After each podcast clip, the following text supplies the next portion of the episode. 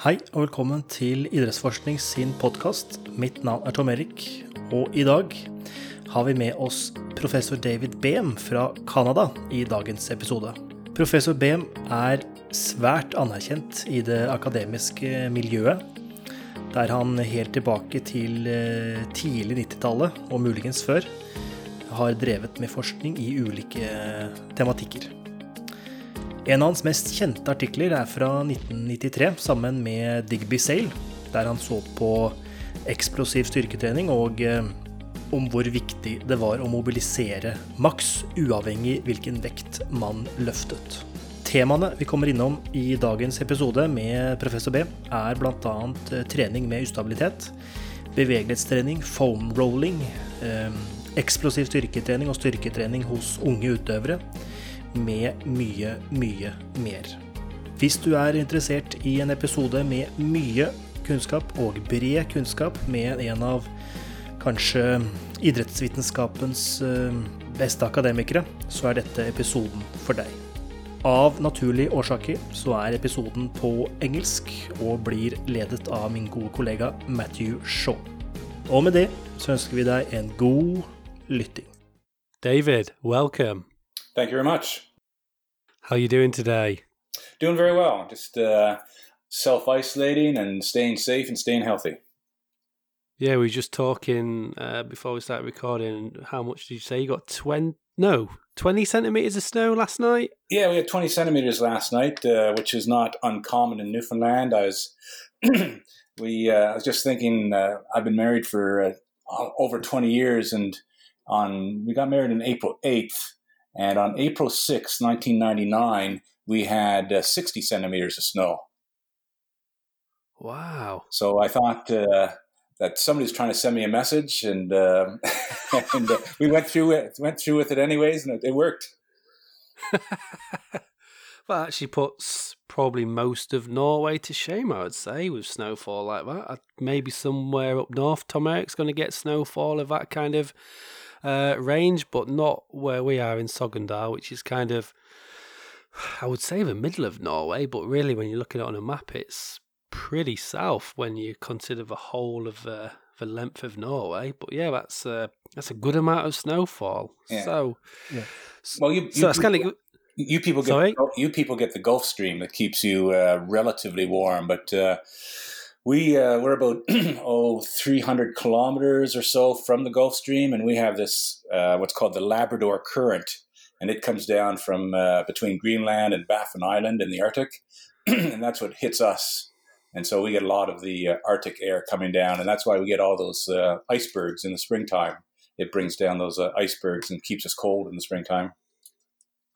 Okay, well, I've never visited Canada and I've been living in Norway for a couple of years now. And for someone to describe Norway as warmer, that definitely puts me off visiting that country. So um, I might have to reconsider any kind of uh, Atlantic trip then, maybe, if you're considering Norway a warm, an exotic warm country. well, I lived in Western Canada. I was born in Western Canada and I've experienced minus 40 and minus 50 degrees Celsius However, uh, Newfoundland uh, is actually the second warmest place in Canada in the wintertime. Our typical temperatures are like minus five to minus 15. So uh, that's actually fairly warm uh, compared to most of Canada. It just all sounds far too cold for me, to be perfectly honest with you. Makes you tough.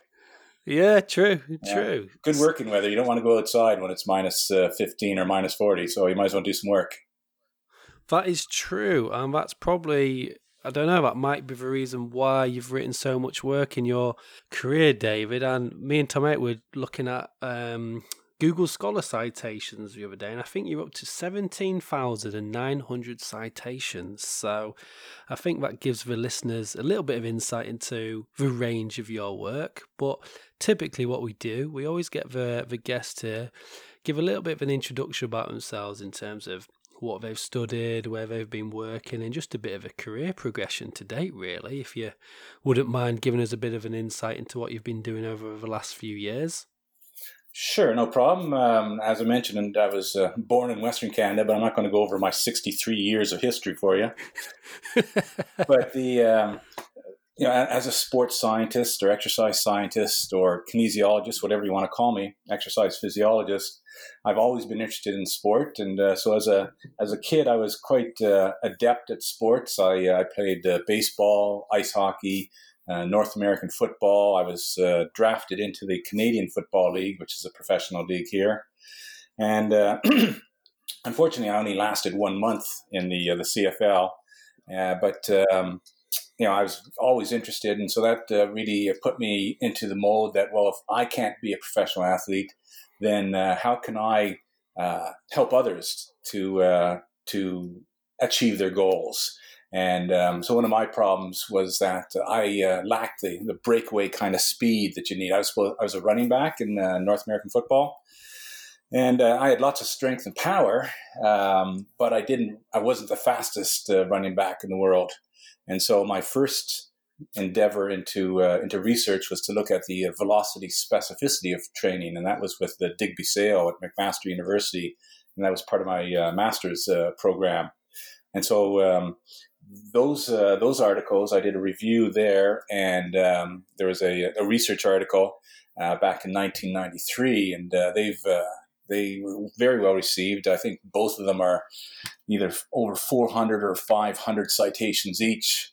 So somebody's been reading them and using them and listening to them. um, and then I went to, excuse me, McGill University in Montreal, Quebec.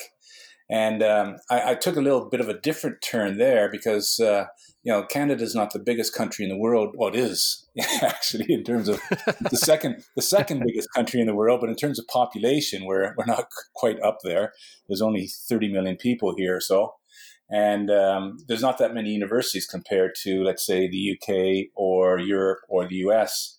So I was thinking, well, if I'm going to get a job someplace and my only background is exercise science, uh, there's probably not that many positions. So when I went to McGill, I went to their um, faculty of physical and occupational therapy. And so I did some work in, uh, uh, my thesis was looking at the effect of uh, ankle fractures on muscle activation. But uh, I was lucky enough to get a job in a um, uh, physical education kinesiology faculty here at Memorial University, and that's where I've been for the last uh, 25 years. So, um, and I, I guess you know when when people talk about your career and and they often say to researchers, you know, you, you need to have a focus. You, you can't you can't be too uh, too spread out in terms of your research. And I've kind of been the um, Uh, the antithesis of that. I, have done a lot of uh, different uh, things, but I guess you know when you describe my research, you could call me you know an applied neuromuscular physiologist, and and under that you could say, well, he's he's he's done some research in, in exercise, fatigue, sport, uh, strength training, balance. But for the most part, I, I often look at very similar things, and that's like I say, uh, strength, fatigue, muscle activation. So it's all under that kind of purview of, of that area of uh, how well do we activate, where's our strength and power coming from, and what are the mechanisms underlying those. Wow. So, what would you consider a specialist in this area of research? Now, who would I consider a specialist? Is, it, is that well, just uh, kind of both, really. just obviously what you said. You in Norwegian we say like "alt man." It means like everything possible, man. And I'm always joking saying I'm one of these because I've tried to be broad, but nothing on your level, of course. So, what what I suppose what topic would you consider to be? Oh yeah, I suppose who would you consider a specialist might be a better question. Might be an easier way to give an example. Um, okay, well, uh, you know, for instance, if you take a look at, um, oh, let's see, you know, strength training. Of course, somebody like uh, Bill Kraemer uh, would mm. be the uh, you know the biggest name in the world in terms of uh, strength training on his own. Um, uh, Tony Blazevich out of Australia. Um, really concentrates on the various aspects of stretching. So uh, he's a, definitely a, a specialist um, in stretching. Although he does do other work, um, that's that's his specialty. Um, you know, there's, there's, so many people out there. I'm thinking of uh, Simon Gandevia when it comes to uh, uh, cortical spinal excitability. Um, you know, the, and, and, there's nothing wrong with being a specialist. Obviously, that's exactly what uh, most people recommend.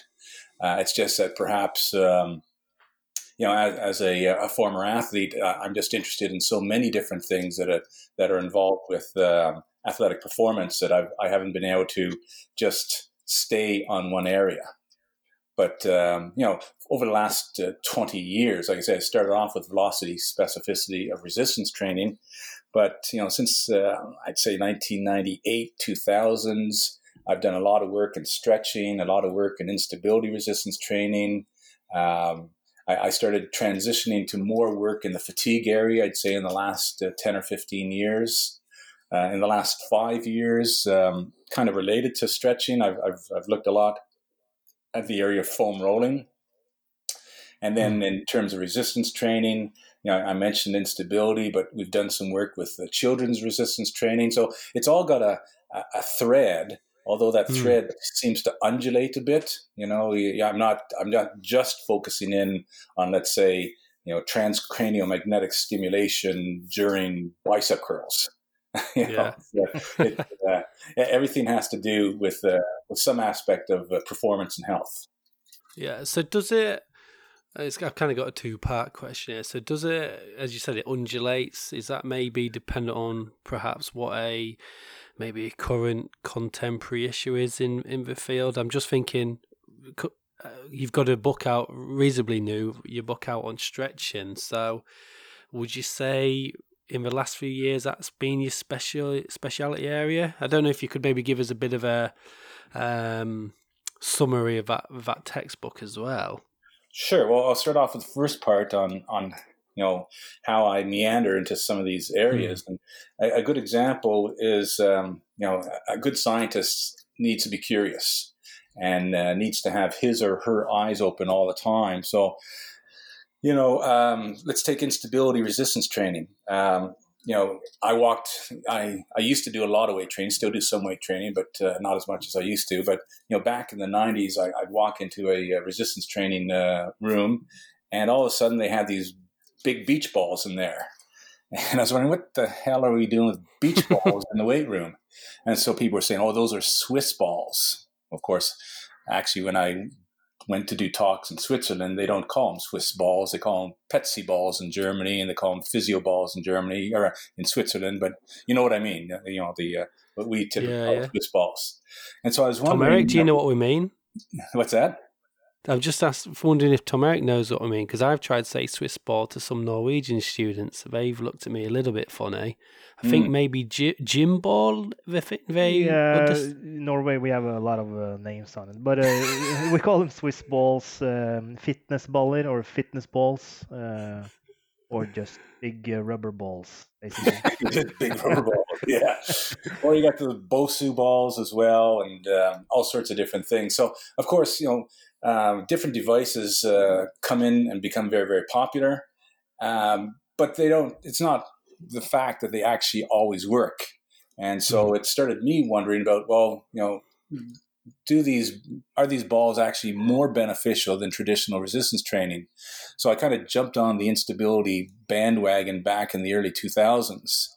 And then, um, you know, you mentioned about stretching. Well, again, back in 1998, uh, Jonathan Fowles from Acadia University at that time. He was with Digby Sale at McMaster. Um, wrote an article and said and found that uh, ex- well, we'd say now excessive static stretching impairs performance. And I'd always been brought up to um, by my professors back at the University of Ottawa when I was an undergraduate that you know stretching was was good for you, improved performance, it decreased injuries. And so uh, I thought, well, this is very strange. And so then I jumped on that bandwagon as well because I was really interested to find out whether what I had been doing all my life had been wrong. Because mm. I thought that by doing all this flexibility, I would actually improve my sprint speed, which never really happened to a great degree. And um, so I jumped on that bandwagon. So it's it's um, you know basically walking around the world and seeing what's coming up. And and often people think that you know scientists come up with these great ideas you know. And it's true if your name is einstein or newton then you come up with ideas. Uh, but even einstein's ideas are based on um, researchers that came before him. Um, and so, in my case, uh, I, I tend to just try and uh, steal ideas from people, and I steal ideas from the uh, people who are working out in the weight room, or I steal ideas from people who have done other research. But you know, everybody does that. And when I say steal, of course, I'm being sarcastic, because what I'm doing is you know, if somebody does a piece of research like Fowles on stretching, well, then I want to take a look and say, well, what did they, what was the limitations in their study? And so, just for example, that Fowles study back uh, got eventually published in the Journal of Applied Physiology in 2000. He had people stretch their plantar flexors or their calves for 30 minutes. And I'm thinking, well, who the hell stretches your calves for 30 minutes? That's not ecologically valid. Nobody does that. That's not practical. So, what did I do? Well, then I went and I had people stretch their quads for 20 minutes. Well, that's not really ecologically either, but at least it was a starting point. And from there, then I continued to decrease the uh, the durations and uh, you know and change a, a, number of different variables, the intensities, the number of sets, etc., until you eventually um, you cover all the bases. And um, so what we found out in the area of stretching, and and in fact, I'm working with Tony Blazevich, Tony Kay, and uh, Gabriel Trajano right now on a review for the European Journal of Applied Physiology. And um, we had written a review for a Canadian Society of Exercise Physiology back in 2016. And so now, four years later, we're going to do another one. And we're taking a look at the findings, and we're still finding impairments. But the problem is, is that almost We've looked at, oh dear, since 2016, I've found at least 41 studies, and there's only been four of them that have done a full warm up. And when you when you do these prolonged stretching of uh, more than 60 seconds per muscle group, and many people are doing uh, two minutes, three minutes, five minutes of stretching without either a prior warm up or dynamic activities afterwards, and they're coming into the literature and saying, look, static stretching still causes impairments. But if you look at the four studies that have done full warm ups, and so there's one by Blazevich, there's one by John Reed from our um, our, our lab, um, one by um, uh, Justin Murphy from our lab, and blah blah blah blah. Who's the fourth one? I can't think of the fourth one off the top of my head, but um, uh, all of them have done full warm ups, and the effects on performance were trivial. So, uh, but out there now is a paradigm saying you should not be doing static stretching. And yet, we've also found in our 2016 uh, review that um, although st- static stretching won't decrease all cause injuries, and when I say all cause injuries, I'm talking about you know breaking your ankle, fracturing your ribs, concussions. Um, it does seem to have a, a, uh, a positive effect on musculotendinous injuries especially with um, explosive actions and sprinting and change of direction. So we're recommending now in, in these reviews, and, and, I've also said it in my book, that um, you know static stretching should be part of the warm up, but it should be just a, a small segment, and uh, it should be less than 60 seconds per muscle group, and it should be combined with a prior aerobic warm up and um, dynamic activities afterwards. And for you know the vast majority 99% of the world um, you're going to have no problems with the performance and you're going to perhaps decrease the incidence of those kinds of injuries okay there was recently a paper i can't remember the title um, or the author it's been doing the rounds on twitter a little bit and it's basically a a paper suggesting that we should kind of ignore flexibility as one of the major. Co- oh, there we go. The case for retiring flexibility is a major component of physical fitness. Um, and the paper basically talks about that we should basically not focus on on flexibility. Does that kind of this is by uh, Nuzzo uh, from last year. Mm-hmm. So that kind of goes against. I suppose what you're saying is is the was it's still not clear the mechanisms of stretching and whether it's beneficial or not, but perhaps there's a lot of misconception currently out there still. Yeah. Well, I think if I read that paper, and I think what Nuzzo was saying was that in terms of um, uh, fitness components or health hmm. components. That uh, what what components are going to you know decrease your morbidity or your decrease your mortality and help you live longer. That flexibility is not one of them. We know that, of course, if you're doing aerobic work, you get a better cardiovascular system. You're less likely to get cardiovascular diseases or perhaps metabolic diseases. There's a clear association between your strength and your morbidity and mortality. Uh, individuals with with uh, stronger grip strength tend to live longer. Um, so he was saying that there's no association between flexibility and and your health or living longer. So I would agree with that. Um, you know, by touching your toes, you're not going to live an extra ten years. But in terms of quality of life, um, I think I, think, and I would, well, I shouldn't say I know, but I would think that uh, being more flexible would would again decrease the chances of injury. You know, as you get older and you get tighter, and you bend over and you try and pick up a book off the floor, and you've got a tight back. Um, you know, so there's a good likelihood that uh, you know you could uh, pull a muscle in your back doing that. Uh, is that mm. going to kill you? No, you're you're still going to live as long as you probably would have if you uh, hadn't done it. But uh, again, the quality life, and then again, for people probably most of the people living, listening to this podcast, they're probably you know active, uh, interested in fitness and sports, hmm. and thus, um, if you want to you know be reasonably uh, proficient at what you're doing and have fun, um, then you probably want to have a certain degree of flexibility. Now, of course, he could argue, which I think he did, if I remember correctly in that article, that you know just doing weight training on its own will help to improve your flexibility. So if you've got you know two dumbbells and you're doing shoulder uh, or shoulder flies or you're doing chest presses, it'll help to force you through a greater range of motion. And uh, again, so I would certainly agree with that. Um, but I certainly wouldn't say that uh, you know flexibility uh, should be you know pulled out of, of everybody's uh, training program. Um, it's certainly helpful in, in, many different uh, situations. Hmm. I think Tom Eric's actually got a question from from somebody. Uh, Tom yep, Eric, that's correct.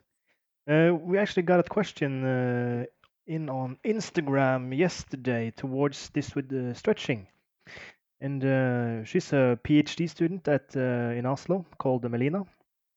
Uh, the question is. In your current view, do you think it's possible that long-term slash habitual static stretching can change muscle tendon morphological and mechanical properties. Uh, for example, in dancers, gymnasts, or people who choose to undertake a high volume and high frequency of stretching over several years. Um, yes, I, I, know that. You know, if you read the articles by Magnusson, and he tends to uh, stress the uh, the importance of stretch tolerance, and obviously that is is quite uh, quite important. But as you said, if you take a look at uh, a gymnast, and um, they're doing extreme range of motions. Uh, that hard to imagine that would just be due to stretch tolerance. so I think an individual that is uh, training for a, a, long period of time, we see a number of different things happening. Uh, some studies have, have shown a, a decrease in um, in the uh, the spindle uh, or an increase in spindle disfacilitation. So the the spindles don't fire as much when you've been doing um, stretching for, for many, many years, probably because your muscles are more compliant anyway, so the spindles aren't being stretched. So with less reflex, the muscle is more relaxed. Um, the uh, when you take a look at the the fascicles and fascicle rotation, um, the muscle fibers are attached to the uh, the collagen and the um, the intracellular matrix by fibronectin. And uh, these fibronectin can be rearranged so that they translate better, they move and slide over each other better.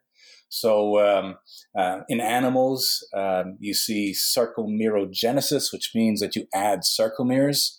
I don't think that happens from what I've read in humans because in the animal studies, they'll take a muscle from a chicken and rip it out of its body and throw the chicken away, have it for supper, and then just you know, stick the uh, the muscle between two posts and stretch it for the next two weeks.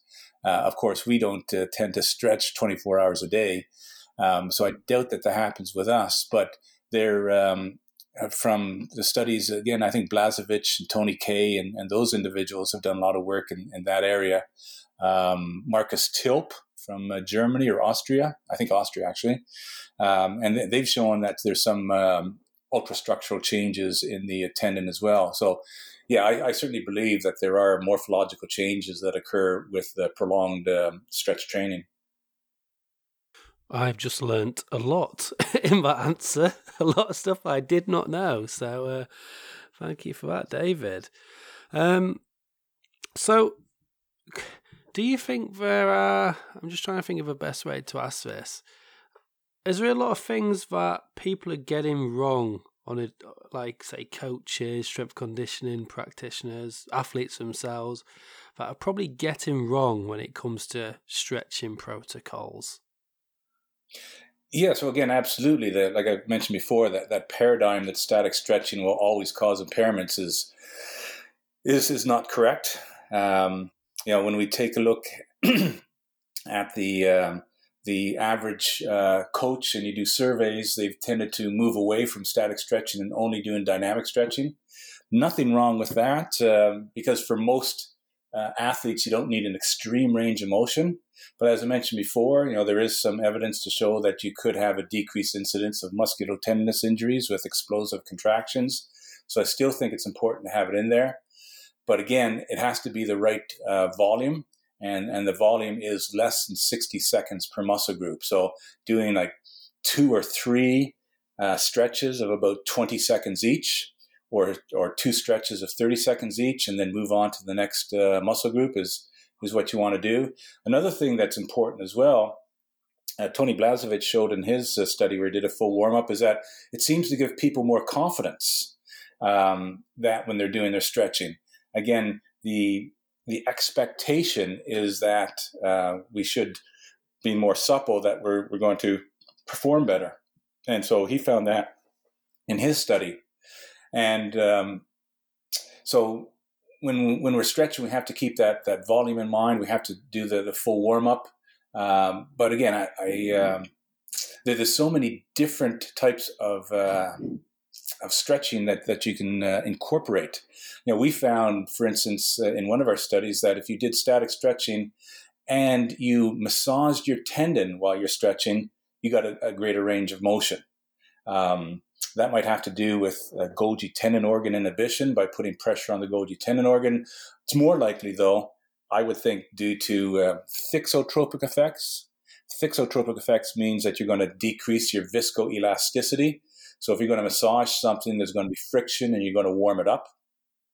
So your tendon, um, your your muscle seems to be um, more restrictive than your tendon. You when you go and stretch and reach for your toes, it's your muscles that will uh, reach their limit first prior to the tendon. So uh, what you can do two things. You could one, as I said, massage that tendon, and you would help to increase the compliance of the tendon. Or you could do your passive stretch, hold that for a, a period of time, and then contract that muscle, and then that will help to um, to stretch out the the tendon. So, um, like I said, there's, there's, a lot of different things you can do. Um, but the important thing to remember, though, is the stretching during a warm up, you're not trying to increase your range of motion over you know a chronic period you're just trying to get ready for activity if you really if you're a gymnast or a dancer or you're in the cirque du soleil and you need to have extreme range of motions you should be doing that as a separate workout you know uh, we wouldn't say to people oh, you got to be stronger to play rugby. So we should be we should be doing a, a resistance training routine before you start your game. You know, your resistance training would be done at another time. So we shouldn't be trying to you know have extreme changes in a range of motion prior to a, uh, an event. That should be a different uh, a training program.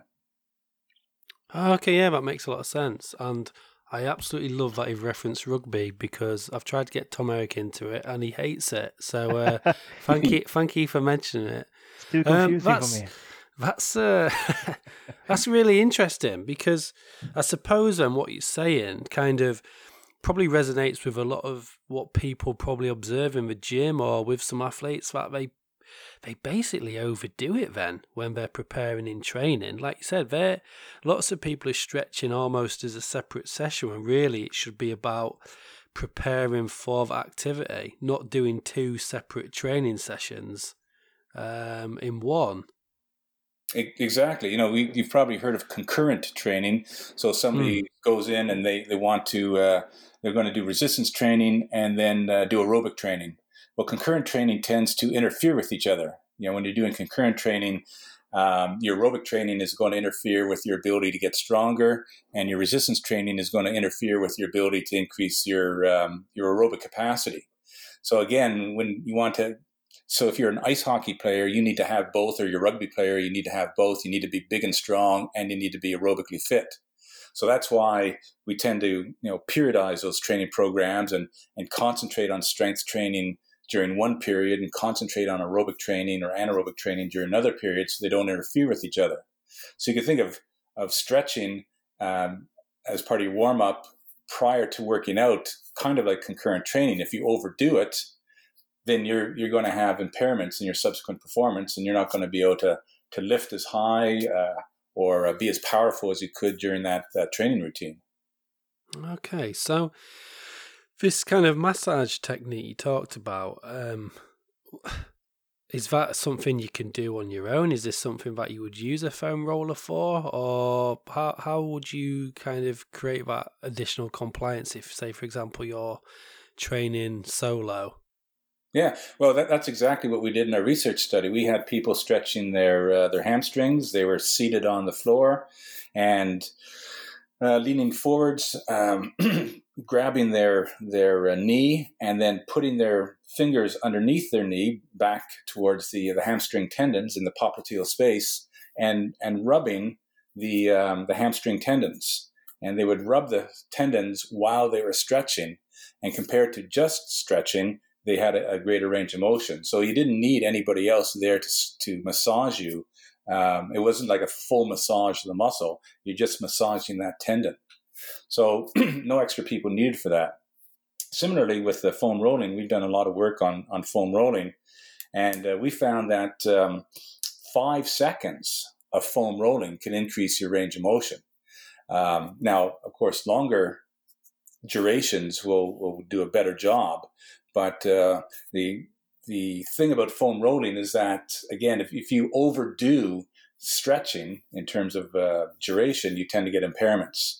Um, but with the foam rolling, we have found very little evidence um, that you'll get impairments from uh, from foam rolling. And in some studies, uh, we did a study uh, where we compared. Uh, it was Israel Halperin was my grad student. He's now at the University of Tel Aviv, yeah. and um, he was looking at uh, comparing foam rolling to static stretching, and they both provided the same increase in range of motion. I think we did three sets of 30 seconds each. And it was the, so that's 90 seconds of stretching. And as I said before, we would expect that to have impairments, and it did. And the um, foam rolling actually had an improvement in force with 90 seconds of rolling. Oh, wow. Tom Eric, can believe you got a question. Yeah, uh, it was towards this um, self massage and, and foam rolling. It's it's I don't know if, if it is a hype term. I have I've heard it is a hype term, and uh, this um, myo uh, myofascia release mm-hmm. is that the same as uh, massage and foam rolling? Is it the same category? Does it work, or uh, is it just yeah. a hyped up word? Yeah, it's a it's a, a, pet peeve of mine. Are you familiar with that term? No, not. Okay, pet, I definitely am. yeah, so a pet, a pet peeve is a uh, is something that irritates you. So oh. uh, self myofascial release techniques irritates me. And uh, I we just um, Jan Wilke uh, from uh, Frankfurt and myself uh, wrote a uh, article in Sports Medicine last year, and it was um, um, providing an argument why it should not be called self myofascial release technique. So self myofascial release techniques is foam rolling and it's, ah. it's, often believed by uh, you know many people that uh, when you're rolling, what you're doing is you're you're you're rolling over these myofascial tender spots or these trigger points, and uh, they do, of course, uh, occur, and and they're um, hypothesized to be um, an injured por- uh, portion of the myofascia, and it may end up with a, a lack of, of blood flow to the area, and then you get the scar tissue around that area, and then it's very difficult to uh, rehabilitate that area because there's very little blood going to it. And so the thought was is that by rolling over it, you'd break up that scar tissue, break up the myofascia, let the blood get in there, and uh, and reduce the uh, reduce the pain and, and, get better performance. Now, according to Schleip, another uh, German researcher, um, he says in, in a uh, two part review in 2003 that you would need supra physiological forces in order to break up those adhesions. That most people um, you know, are not Superman or Supergirl or Superwoman and uh, are not strong enough to be able to do that. And so I believe that it it can happen if you have a masseuse or a mas uh, is a is a masseuse both male and female. I'm not sure the terminology. But anyway, it's a person who I don't know. I think so. Pardon me. I think it's a, a, fairly neutral term in 2020. I'm not sure myself. Okay. Well, a person who does massage, whether it's male or female, um, you know, often they'll use their elbow, for example, to apply pressure onto a point. So now, when you're applying all your I shouldn't say all your body weight, but much of your body weight on that small pressure point of an elbow, perhaps, I don't know for sure, that there might be enough pressure there to maybe break up some of those adhesions. But when you're using a roller, which is probably 20 centimeters long or you know whatever length it is, uh, even if it's, if it's got ridges in it, um, the pressure of those rollers are, according to Schleip, are not strong enough to break up adhesions.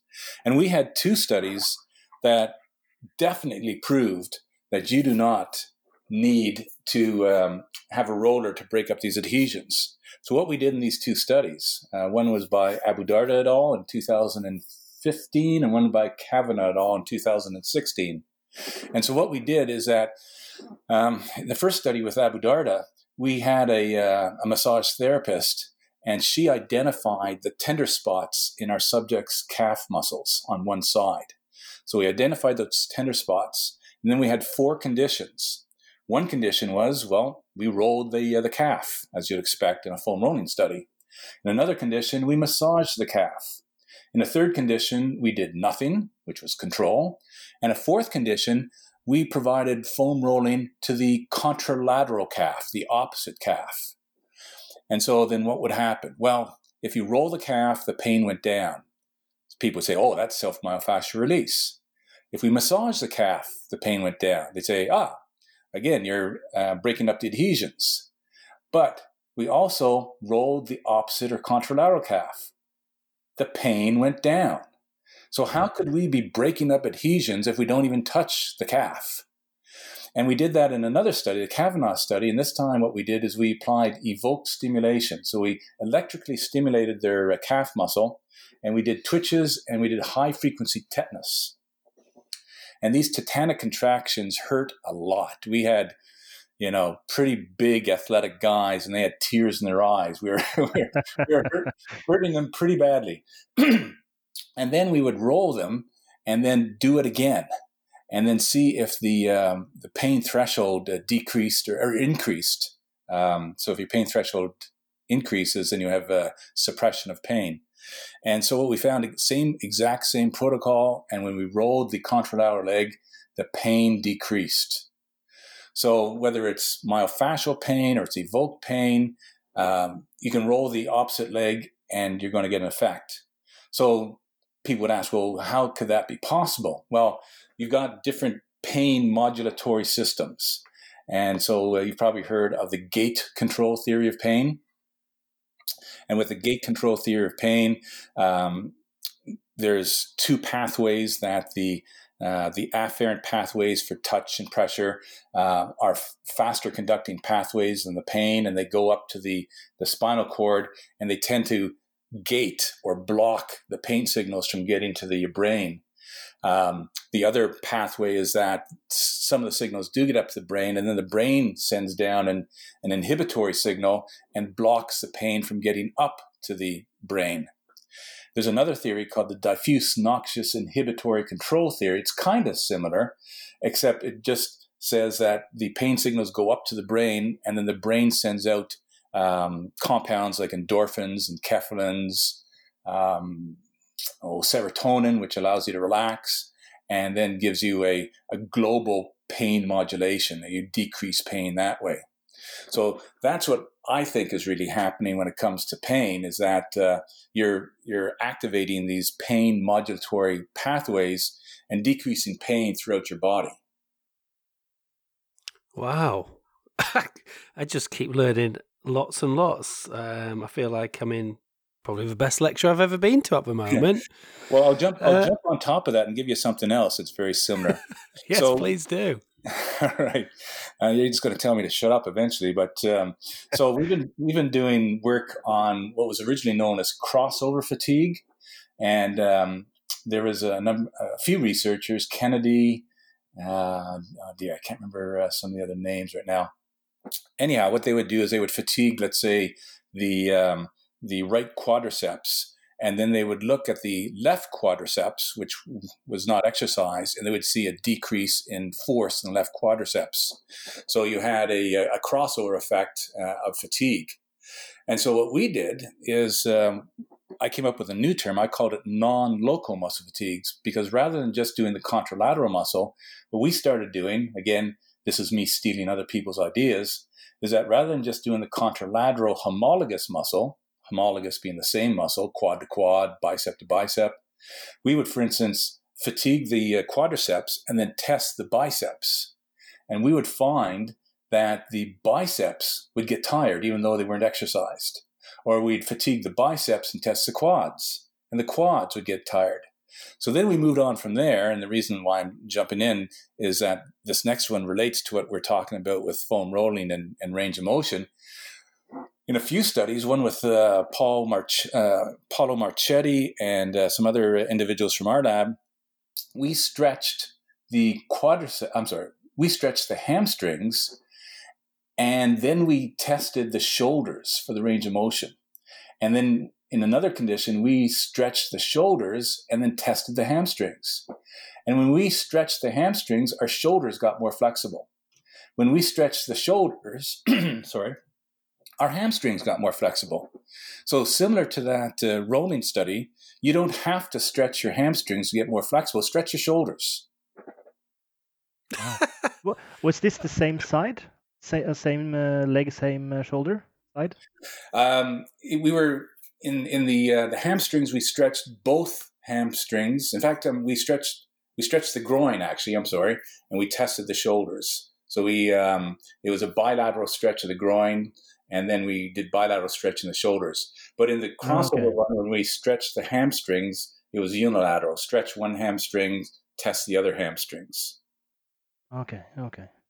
Wow. Now, the, the, the mechanism we think happens with that one is the stretch tolerance mechanism. Uh, that was first proposed by Magnusson. and uh, that one again is related to pain. And and when you you know hold a stretch for a period of time and it's uncomfortable, if you hold it long enough, you kind of get accustomed to that pain, and it doesn't feel as bad. And so if it doesn't feel as bad, then you can reach farther. So if we apply discomfort to your groin, or your hamstrings, and you hold on to that pain for a period of time, psychologically, you may be able to accommodate that pain and say, okay, well, it doesn't feel as bad. Or psychophysiologically, again, we can go back to the gate control theory of pain or the diffuse noxious inhibitory control. And again, we may be circulating endorphins throughout the body. And therefore, when you go to stretch your shoulders, because you've got more pain relief from those endorphins, you can stretch farther. Hmm. Okay. Oh. Wow, I uh, I can't stop saying how much I'm learning. I'm loving this. Um, so I kind of want to. I don't want to wrap that section up, but you've mentioned a few things there, David. About you've mentioned uh, kind of static stretching, foam rolling, massage, where a lot of people go, "Whoa, there's no evidence base for that. You can't do any of that. That's that's a big a big no no. But I suppose it's more a case of well, I, I, don't know. You'll have a better answer than me. But is it more of a case of don't throw the baby out with the bathwater? So Tom Eric, that basically means don't just exclude it, don't just cast throw it out as if it as if it's got no use at all. It sounds very much if the um, protocol and the administering it is correctly is correct. Sorry, then it has lots of value. It's just perhaps that traditionally or or what's happening maybe in lots of gym settings, it's just not being used in the most optimal manner. Would you would you agree with that? So you're you're probably uh, uh, referring to again the the static stretching and and throwing that away. Well, just kind of all. I know lots of people. Um, or I've been in conversations where they would say, "No, massage, no use. Static stretching, no use. Foam rolling, waste of money." But it, from what you've just told us, it seems more like, well, it depends on how you use these treatments, basically. Yes, you're exactly right. So again, the problem with science, one of there's many problems with science, but one of the problems with science is in order to get published, there's a bias against research that's non-significant. So if you go and do a stretching study with, uh, let's say, 30 seconds of stretching for a particular muscle, and there's no effect on performance, it's hard to get that published because you didn't have any effect. So your your results section is one sentence. Nothing happened. then then you got the discussion, and then you have to you know have a page to discuss why nothing happened. And so it's hard to get that published. But if you you know publish something and say, my God, I, we did this stretch and we had decreases in in force and power and activation and all these interactions and main effects for this and main effects for that. Reviewers like that, it seems, and uh, it's a lot easier to get that published. So um, the early um, research on stretching that, that came out and said static stretching is bad for you. Well, that was spectacular news and, and was easy to get published. And now, if you you know do it properly and there's no effect, it's harder to get that published. And so then, similarly with with foam rolling, there's there's lots of research now, but it's only been in the last, I'd say, perhaps five years that there's been a, a great interest in the foam rolling research. So of course, you know, people might say, well, there's not, there's no research out. Well, there is research out there, but uh, it's just not as well known because it's so new. And um, so I, I, I just um, submitted a paper to the uh, Journal of Strength and Conditioning Research where um, I, I looked at the literature and I wanted to provide some prescriptions because out there I haven't read much on prescribing. What's the best prescription for foam rolling? There's a couple papers that just came out and uh, they said, well, overall, you should be doing, if I remember correctly, something like uh, 30 to 90 seconds of foam rolling. But I wanted to be a bit more specific. So I, I um, did some uh, calculations. I used uh, some uh, uh, quadratic equations to determine and predict where would you get your best range of motion in terms of how many reps should you do, how long should the rolling be, uh, with each particular specific role, and then what's what is the duration of the entire workout. Mm-hmm. And what we came up with is that um, the best increases in range of motion occurred when you did one to three sets or one to three reps, and then each roll should be between two to four seconds. So if you're going to roll your quads, let's say, and you start at your knee, you should take at least two seconds to go all the way up to hip. Or um, could go, it could be four seconds. So anywhere between two and four seconds. And then for the full workout, it should be somewhere between, and it's quite broad, 30 to 120 seconds, all provided the, the best range of motion. It provided large magnitudes of change. So um, the, the, research is getting out there, but again, it's, it's quite new. So I can understand how people aren't up to date if you know their job isn't to read the research all the time. Hmm. That actually leads very nicely into one of the key questions we had for you today, in terms of what do you think are the you've kind of just explained one, but do you think there's any other kind of current general issues in the sports science research at the moment? I wondered what your thoughts would be on this. So, um, one, one, one area that seems to be controversial, excuse me, is the uh, the aspect of periodization, and uh, so it you know came in and and uh, it was quite quite popular, uh, again, starting back in the 90s, I guess, with Tudor Bompa. He was the first one to, to suggest periodization. And, uh, but lately I've been reading a lot of articles that have compared different types of uh, periodization to traditional, and they haven't found any difference. So, um, you know, the logic behind periodization seems common sense that, like I mentioned before, uh, from concurrent training, you shouldn't be training your strength and your aerobic at the same time. But the evidence uh, seems to be all over the place right now. So that's an area that probably still needs a quite a bit of work to understand whether periodization um, is really uh, as effective as we've uh, we've thought about it for the last uh, 20 years. So that's a big area. Uh, another area that we've been uh, working on is uh, power training for children.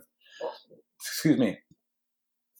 Um, you know, back in prior to the 1990s, of course, most organizations would say that you know children shouldn't do any strength training, that they might injure their epiphyseal plates, which is their growth plates, and that uh, they would damage themselves and they'd end up with one leg shorter than another, and and all that type of nonsense. But of course, the research has shown that you know, in the children or youth who resistance train are less likely to damage their epiphyseal plates and they're going to be stronger, less likely to get uh, injuries, um, perform better. But um, you know, with the advent of plyometrics and especially high intensity plyometrics, again, the thought was, you know, should children be doing this really high intensity kind of work? Again, they might injure themselves. And again, there's always um, there's always truth in some of what people say. So, of course, children are not as coordinated as adults, and you know plyometrics when done properly need a, a you know a fair amount of coordination so um, it's very important to be very careful when you're doing plyometrics for children but we found in uh, we've done a couple reviews that uh, plyometrics can be very beneficial for children as well and again it depends on how you define your plyometrics i remember i was doing a talk in switzerland one time and i went up and um, uh, first of all, no, the, a German researcher went up first, and he said children shouldn't be doing plyometrics. And I thought, oh my God, I'm going to go up and I'm going to say the exact opposite. I'm going to say they should be doing plyometrics.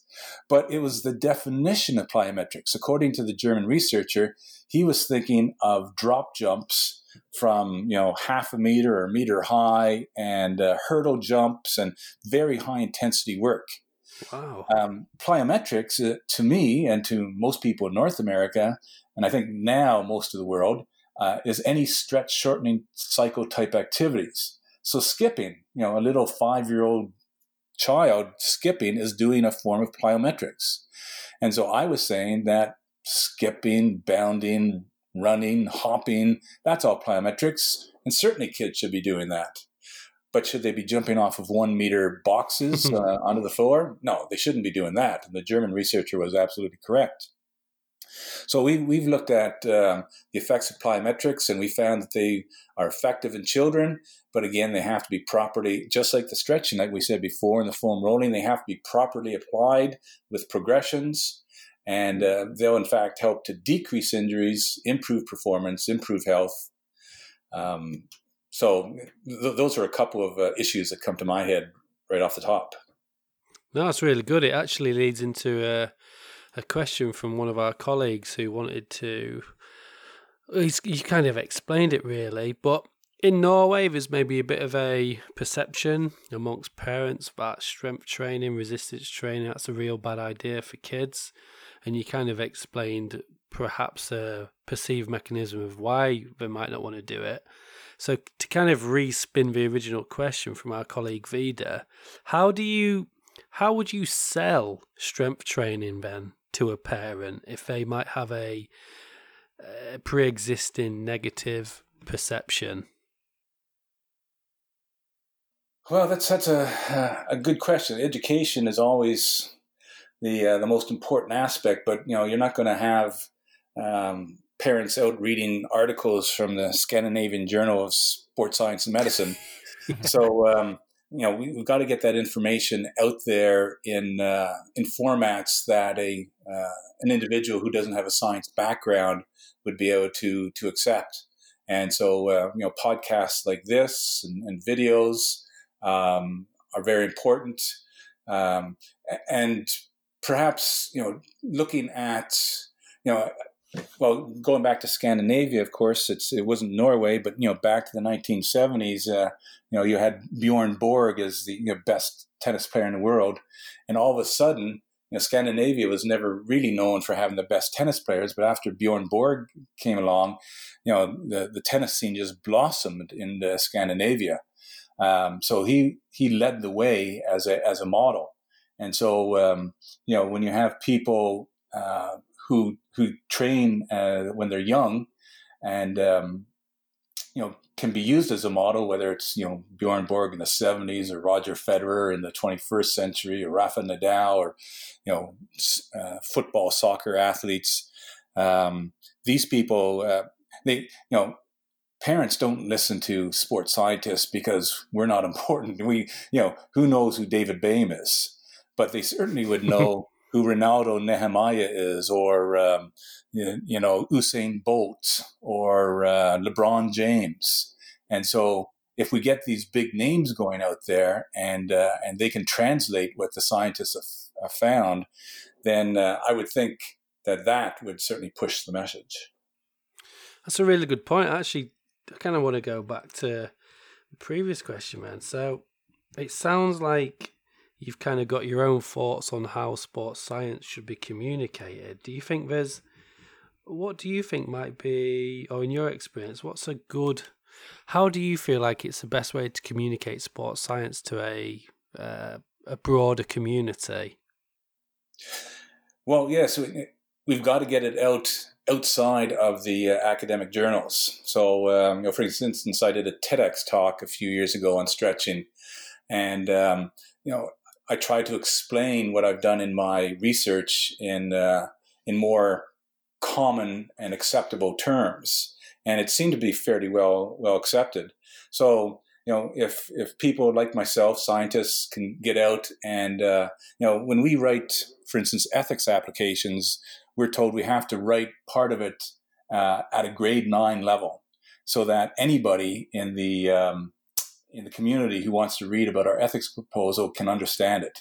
And so we need to do more of that for the public and get out there and, and do TEDx talks, do podcasts, get on um, the local news.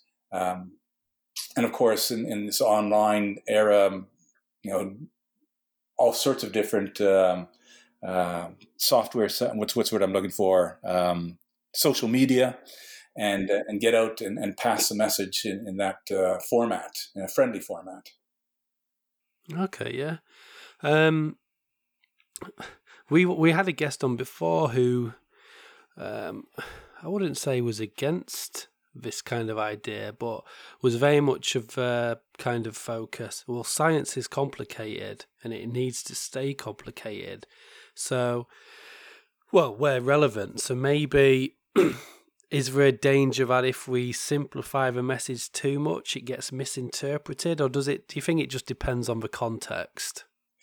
Yeah, I definitely think it's uh, on the context. You know, the um, I often often my my students will write a paper, and in the paper they'll say, "Well, this study proved blah blah blah," and I automatically take a big red pen and go, no study has proved anything. Again, going back to Einstein, you know, Einstein had a theory, but his theory didn't prove anything until somebody actually saw, for instance, the bending of light from a star as it passed by the sun. Then, once it was empirically tested, then we can say Einstein proved, you know, there's a you know, the, the general relativity theory or whatever. So once we've got a body of evidence, uh, typically we can make um, some general conclusions from that body of evidence. You know, a single study is going to be complicated and um, there's going to be limitations. But if we have 100, 150, 200 articles on static stretching, I can make some pretty general statements that are, are pretty are not going to be true every single time, but in 99% of the population and 99% of the time, they're going to be true. And so once we got that body of evidence, I think we can uh, present that. Um, you know, when when we uh, write a textbook and um, give it to our undergrad students, I tell the students, you know, we're pulling the wool over your eyes because this this textbook says that this happens, blah, blah, blah. Well, again, if those undergrad students went into the literature, they would find that if there's a 100 articles, that there might be 10 or 20 of them that disagree with the textbook says. But the textbook is providing the information from 80 out of 100. And maybe in the textbook, it's not telling about the, the 20 that disagreed because we need to simplify the message for the undergrads. Once they get into their master's or PhD, then they find out, well, yeah, maybe it's not exactly what the textbook said, but you know, to get the main message out, um, the textbook probably did a pretty good job. Yeah, it's almost like I feel like, and it's quite a classic thing people say: the more I read, the less I know. I feel like every time I read a new paper now, like, oh, that's something else I don't have a good understanding of. And I suppose it's like you said, it's the same thing really. As you progress your studies, you realise that there's not much, not much truth. I remember one of my uh, lecturers. I went to university in Sheffield in England, and Professor Ed Winter we used to have sessions on why we can't use the word truth. These were like 90 minute lectures on just like why we couldn't use the word truth. I remember we had a session on why power is the most abused term in all of sports science literature. It was it was unbelievable stuff when you think about it now. That's right. The the deeper you dig, the more variability you find. Yeah, absolutely. So we've kind of talked a lot about how much you've covered in in the strength, uh, stretching literature, sorry, but you've obviously done quite a lot in in strength as well. And this whole um, podcast recording came about through a mutual contact. Atle Saeterbakken is one of our colleagues and someone who you've you've written with about uh, instability training. We've actually got a question from a from a former podcast guest of ours, Marius Fimland from um, NTNU in Trondheim. But Tom Erik, you've got the actual question, I believe. Yep, yep, yep. I have it here. Uh, it's about uh, instability training. Mm-hmm. Uh, his question is um, What do you think is the practical rele- relevance of instability in strength training? In what situations is it beneficial and uh, when is it counterproductive? Okay, that's a great question. So, um, yeah, we've, we've, done a lot of work in the area of instability training. And in fact, we've come up with a, a different term. Uh, we're now calling it metastability training. And uh, just a little background for that, excuse me, just got a cough.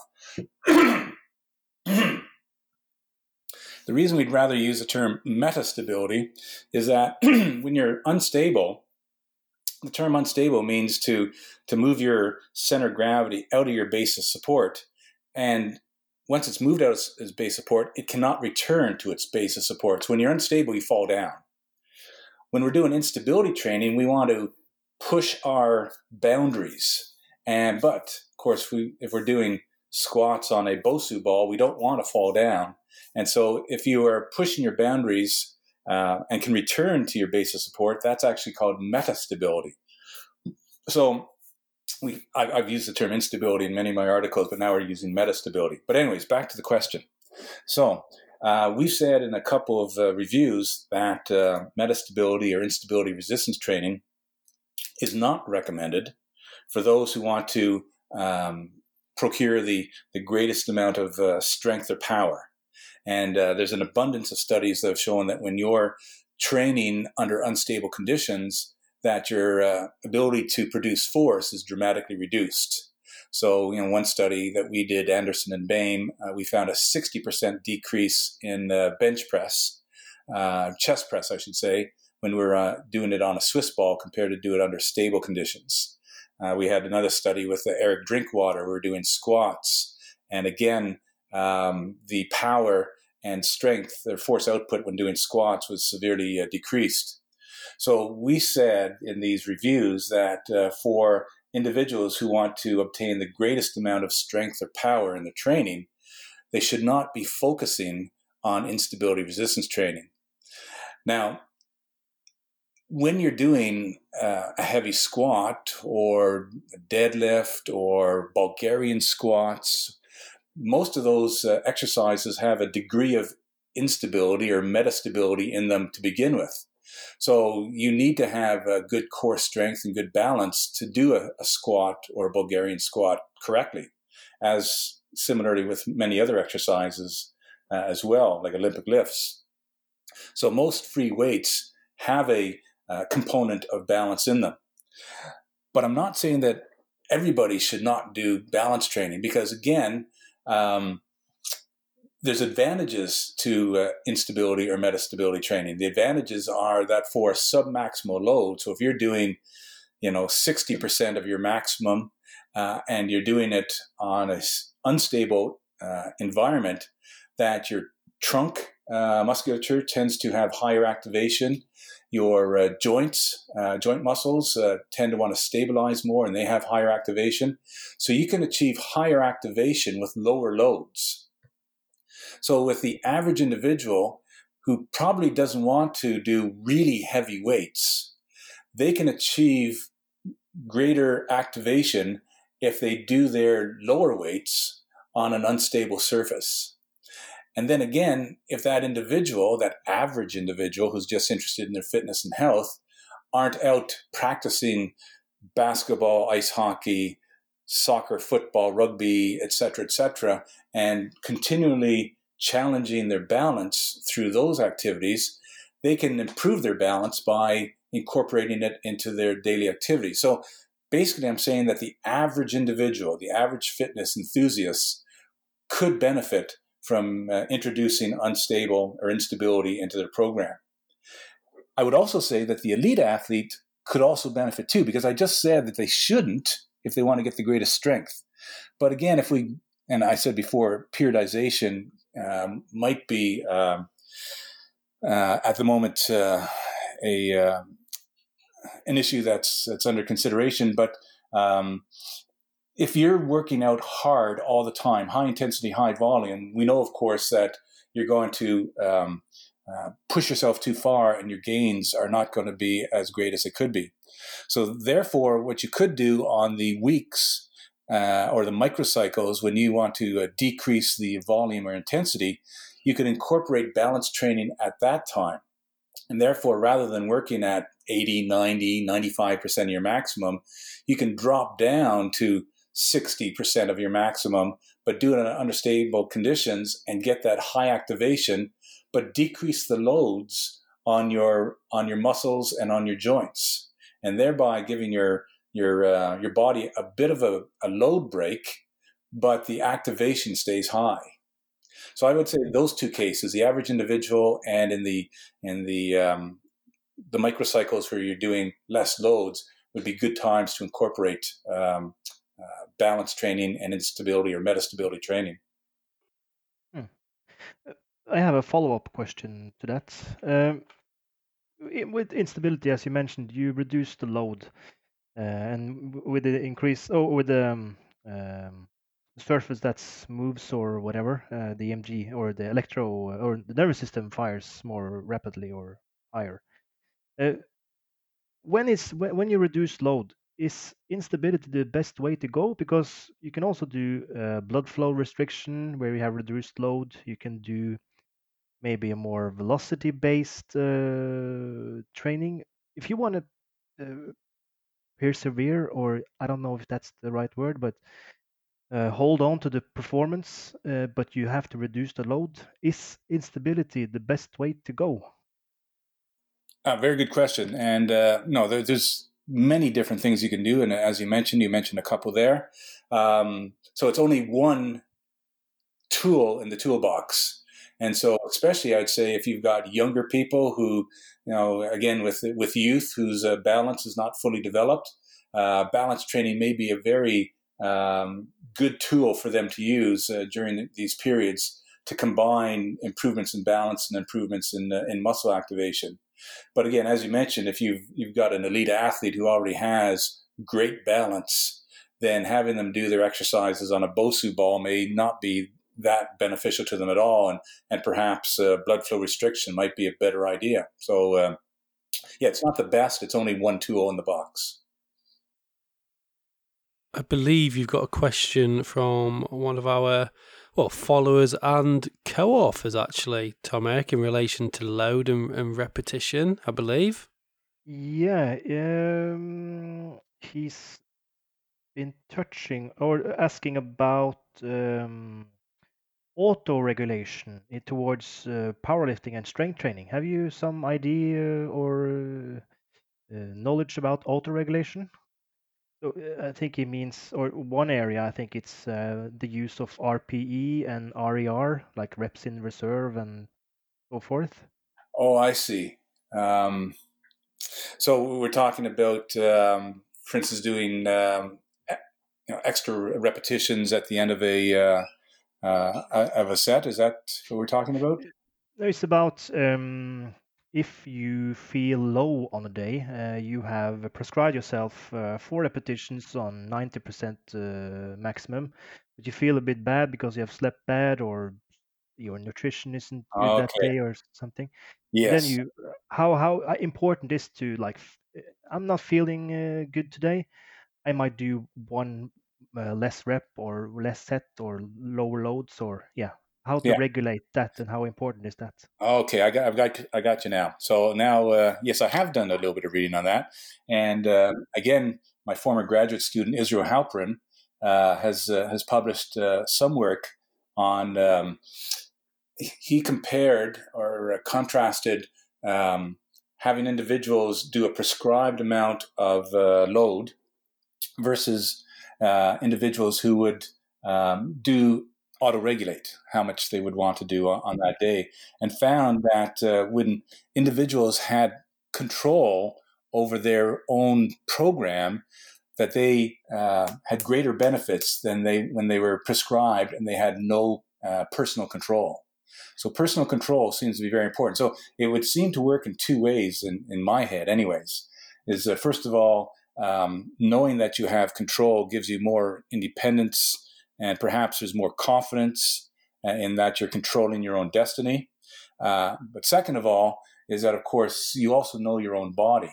And so if you're not feeling well because you've you know had a cold or you didn't sleep well the night before or whatever, then of course um, you know that, but your coach may not know that.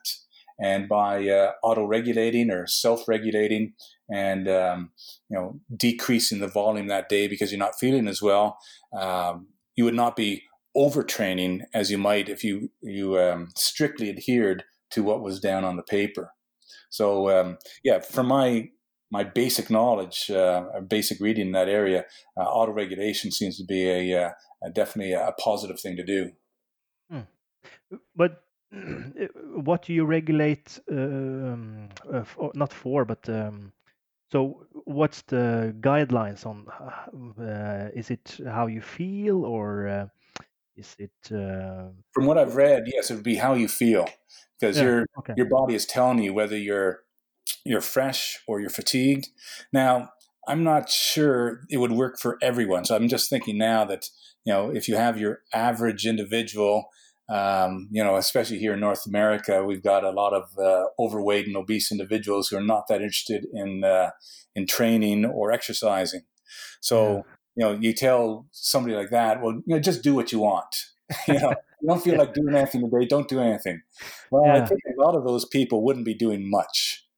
But if you've got a person who is motivated and um, motivated to succeed, whether it's for fitness or whether it's for uh, athletic performance, and you tell them, you know, self regulate. You know, today you feel terrific. Well, do an extra set if you feel terrific. Uh, mm-hmm. Tomorrow you, you're not feeling as well. Do one less set.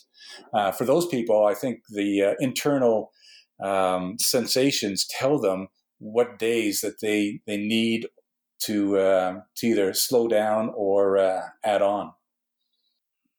So we've kind of talked about auto regulation through subjective measures. What are your thoughts, David, on um, obviously the kind of emerging field is velocity based training now when you've got things like push band and uh, GymAware, and you've got the various smartphone apps that can measure barbell velocity.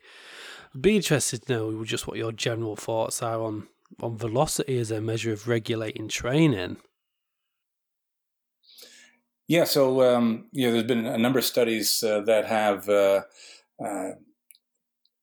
regu- not regulated, uh, have uh, monitored uh, fatigue levels not by the number of repetitions, but by the, the speed of the barbell.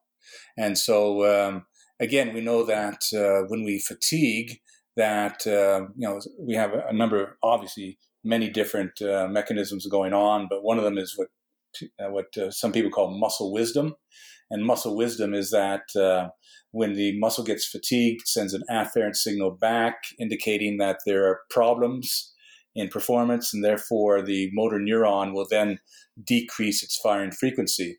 We know that the rate of force development is related to the firing frequency. So, if the speed of the barbell going up and down decreases, it's probably a good indication that the motor neuron discharge rate is is uh, is lower than it was when it was uh, fresh.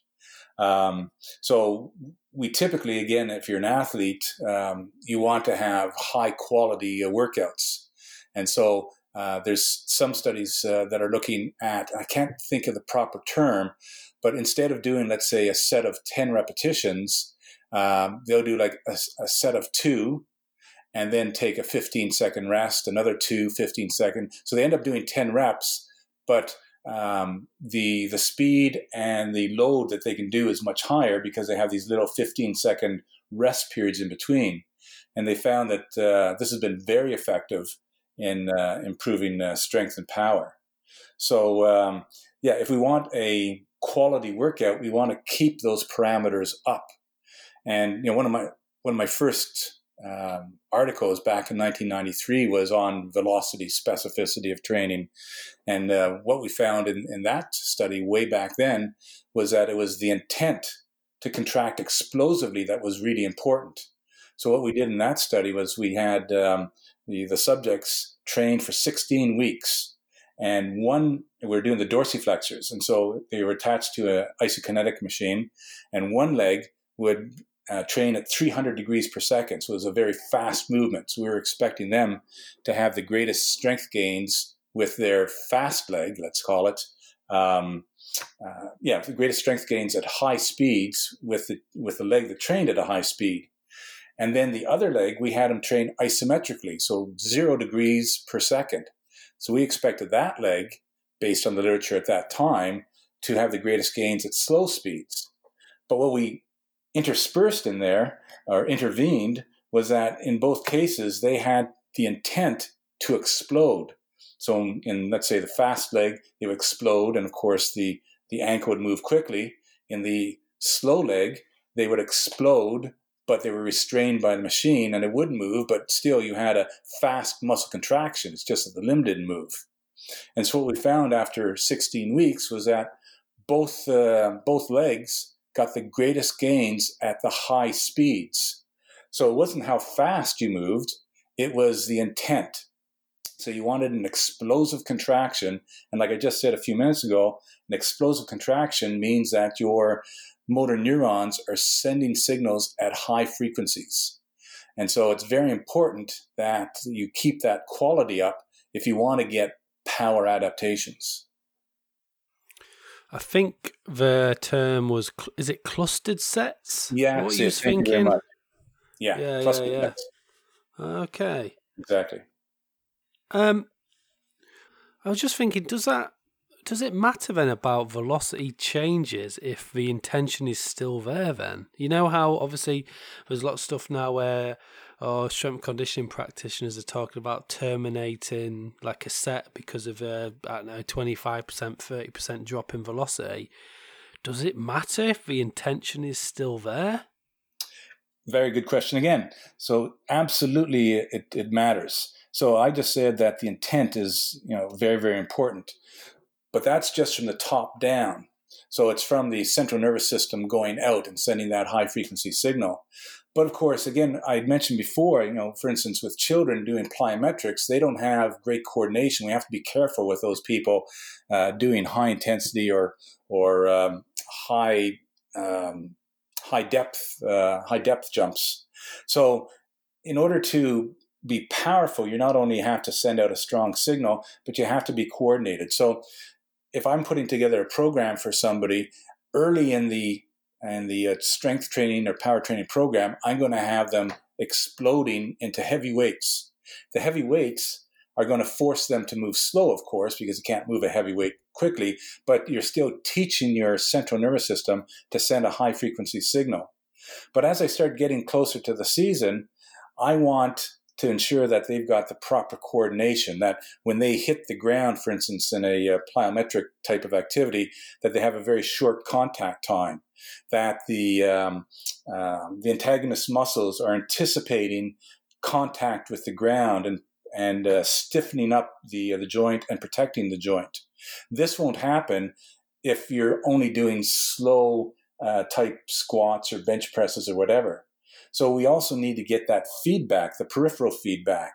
And so again, we want to progress from uh, explosive intent only to a full um, activity that involves an explosive intent, but also the landing, the takeoff, and everything else that's involved in the uh, in the action.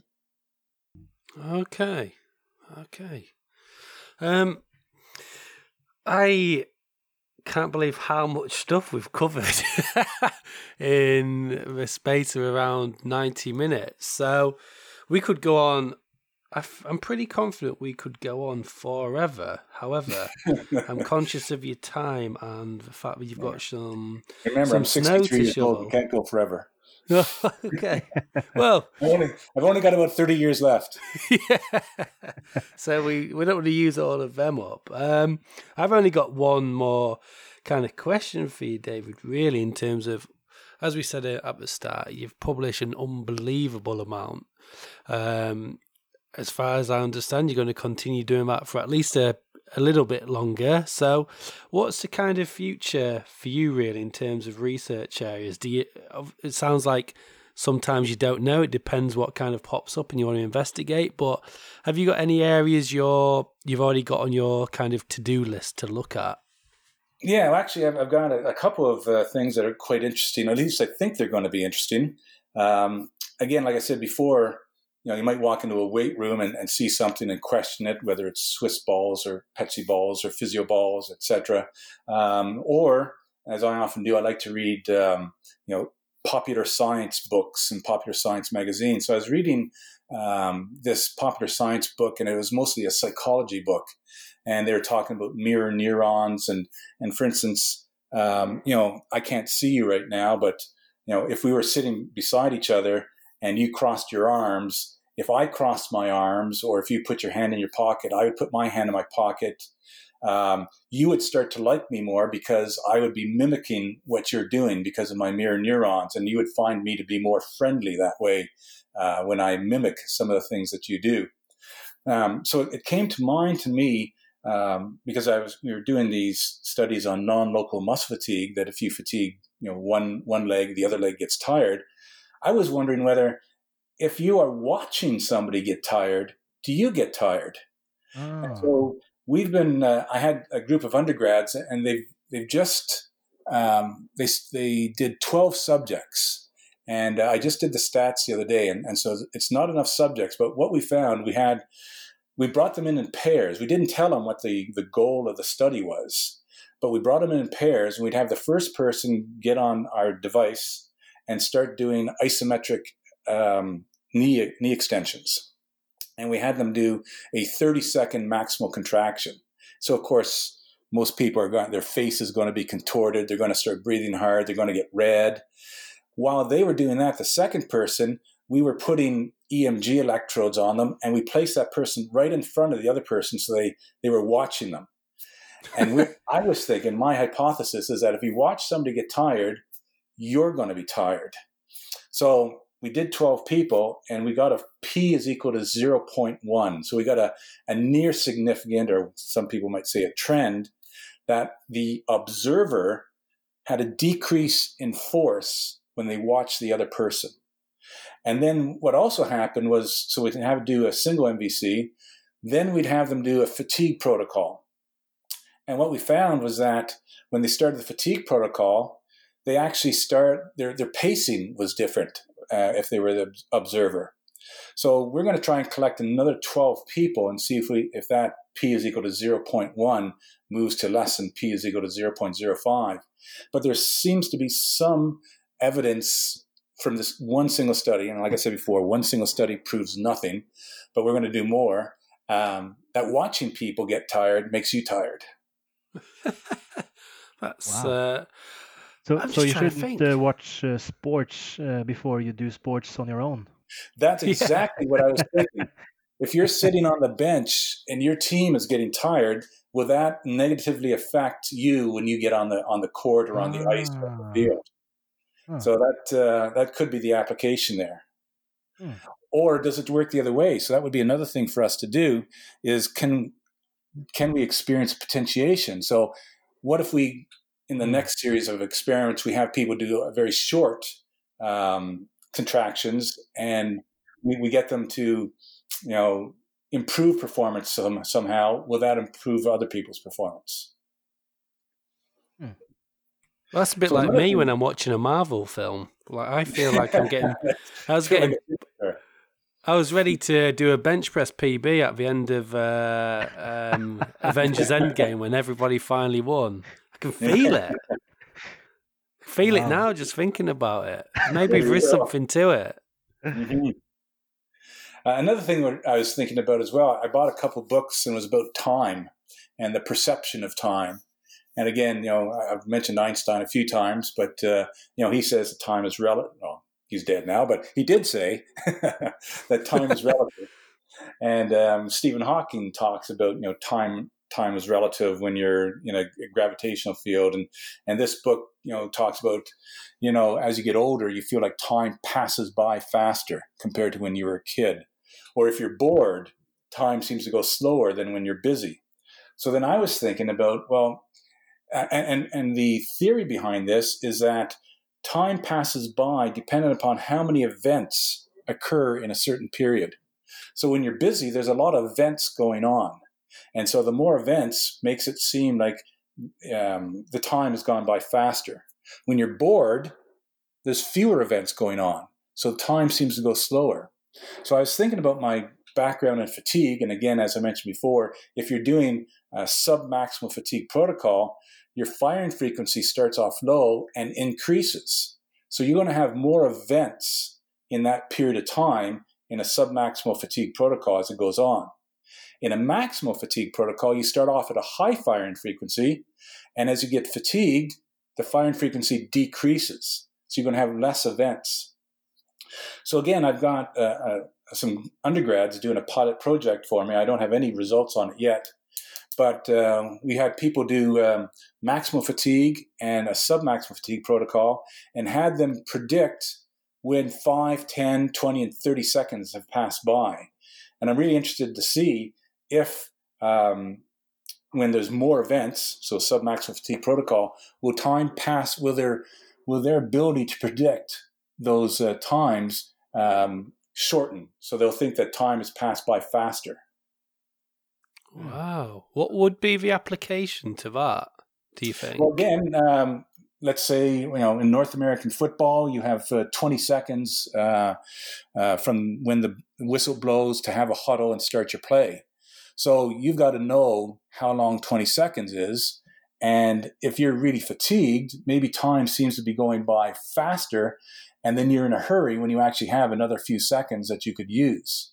Or, you know, um, Rafael, Rafael Nadal, uh, Rafa Nadal and uh, Djokovic tend to take a long time with their service uh, motions.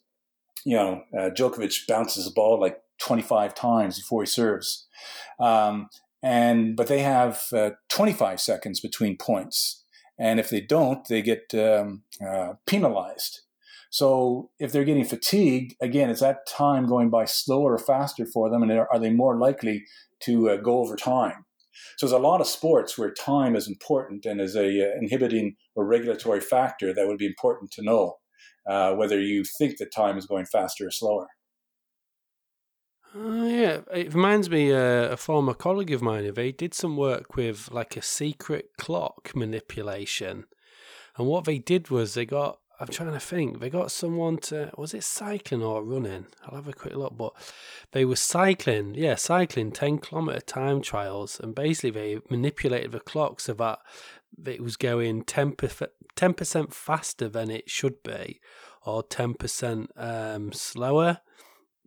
Um, and what they found was like, what's it say? Despite differences in pace distribution, under each clock condition, there's a gen- similar general linear increase in RPE. So um, it's quite interesting, uh, like how that affects subjective, well, subjective measures basically. I remember mm-hmm. doing a, I remember doing a test for an undergrad, and it was a, it was a five kilometer time trial on a treadmill, and you couldn't see the time or distance covered, and it was just the worst sensation ever, not having anything to reference. yes. So yeah, it's a pretty crazy, pretty crazy subject, really. Mm-hmm.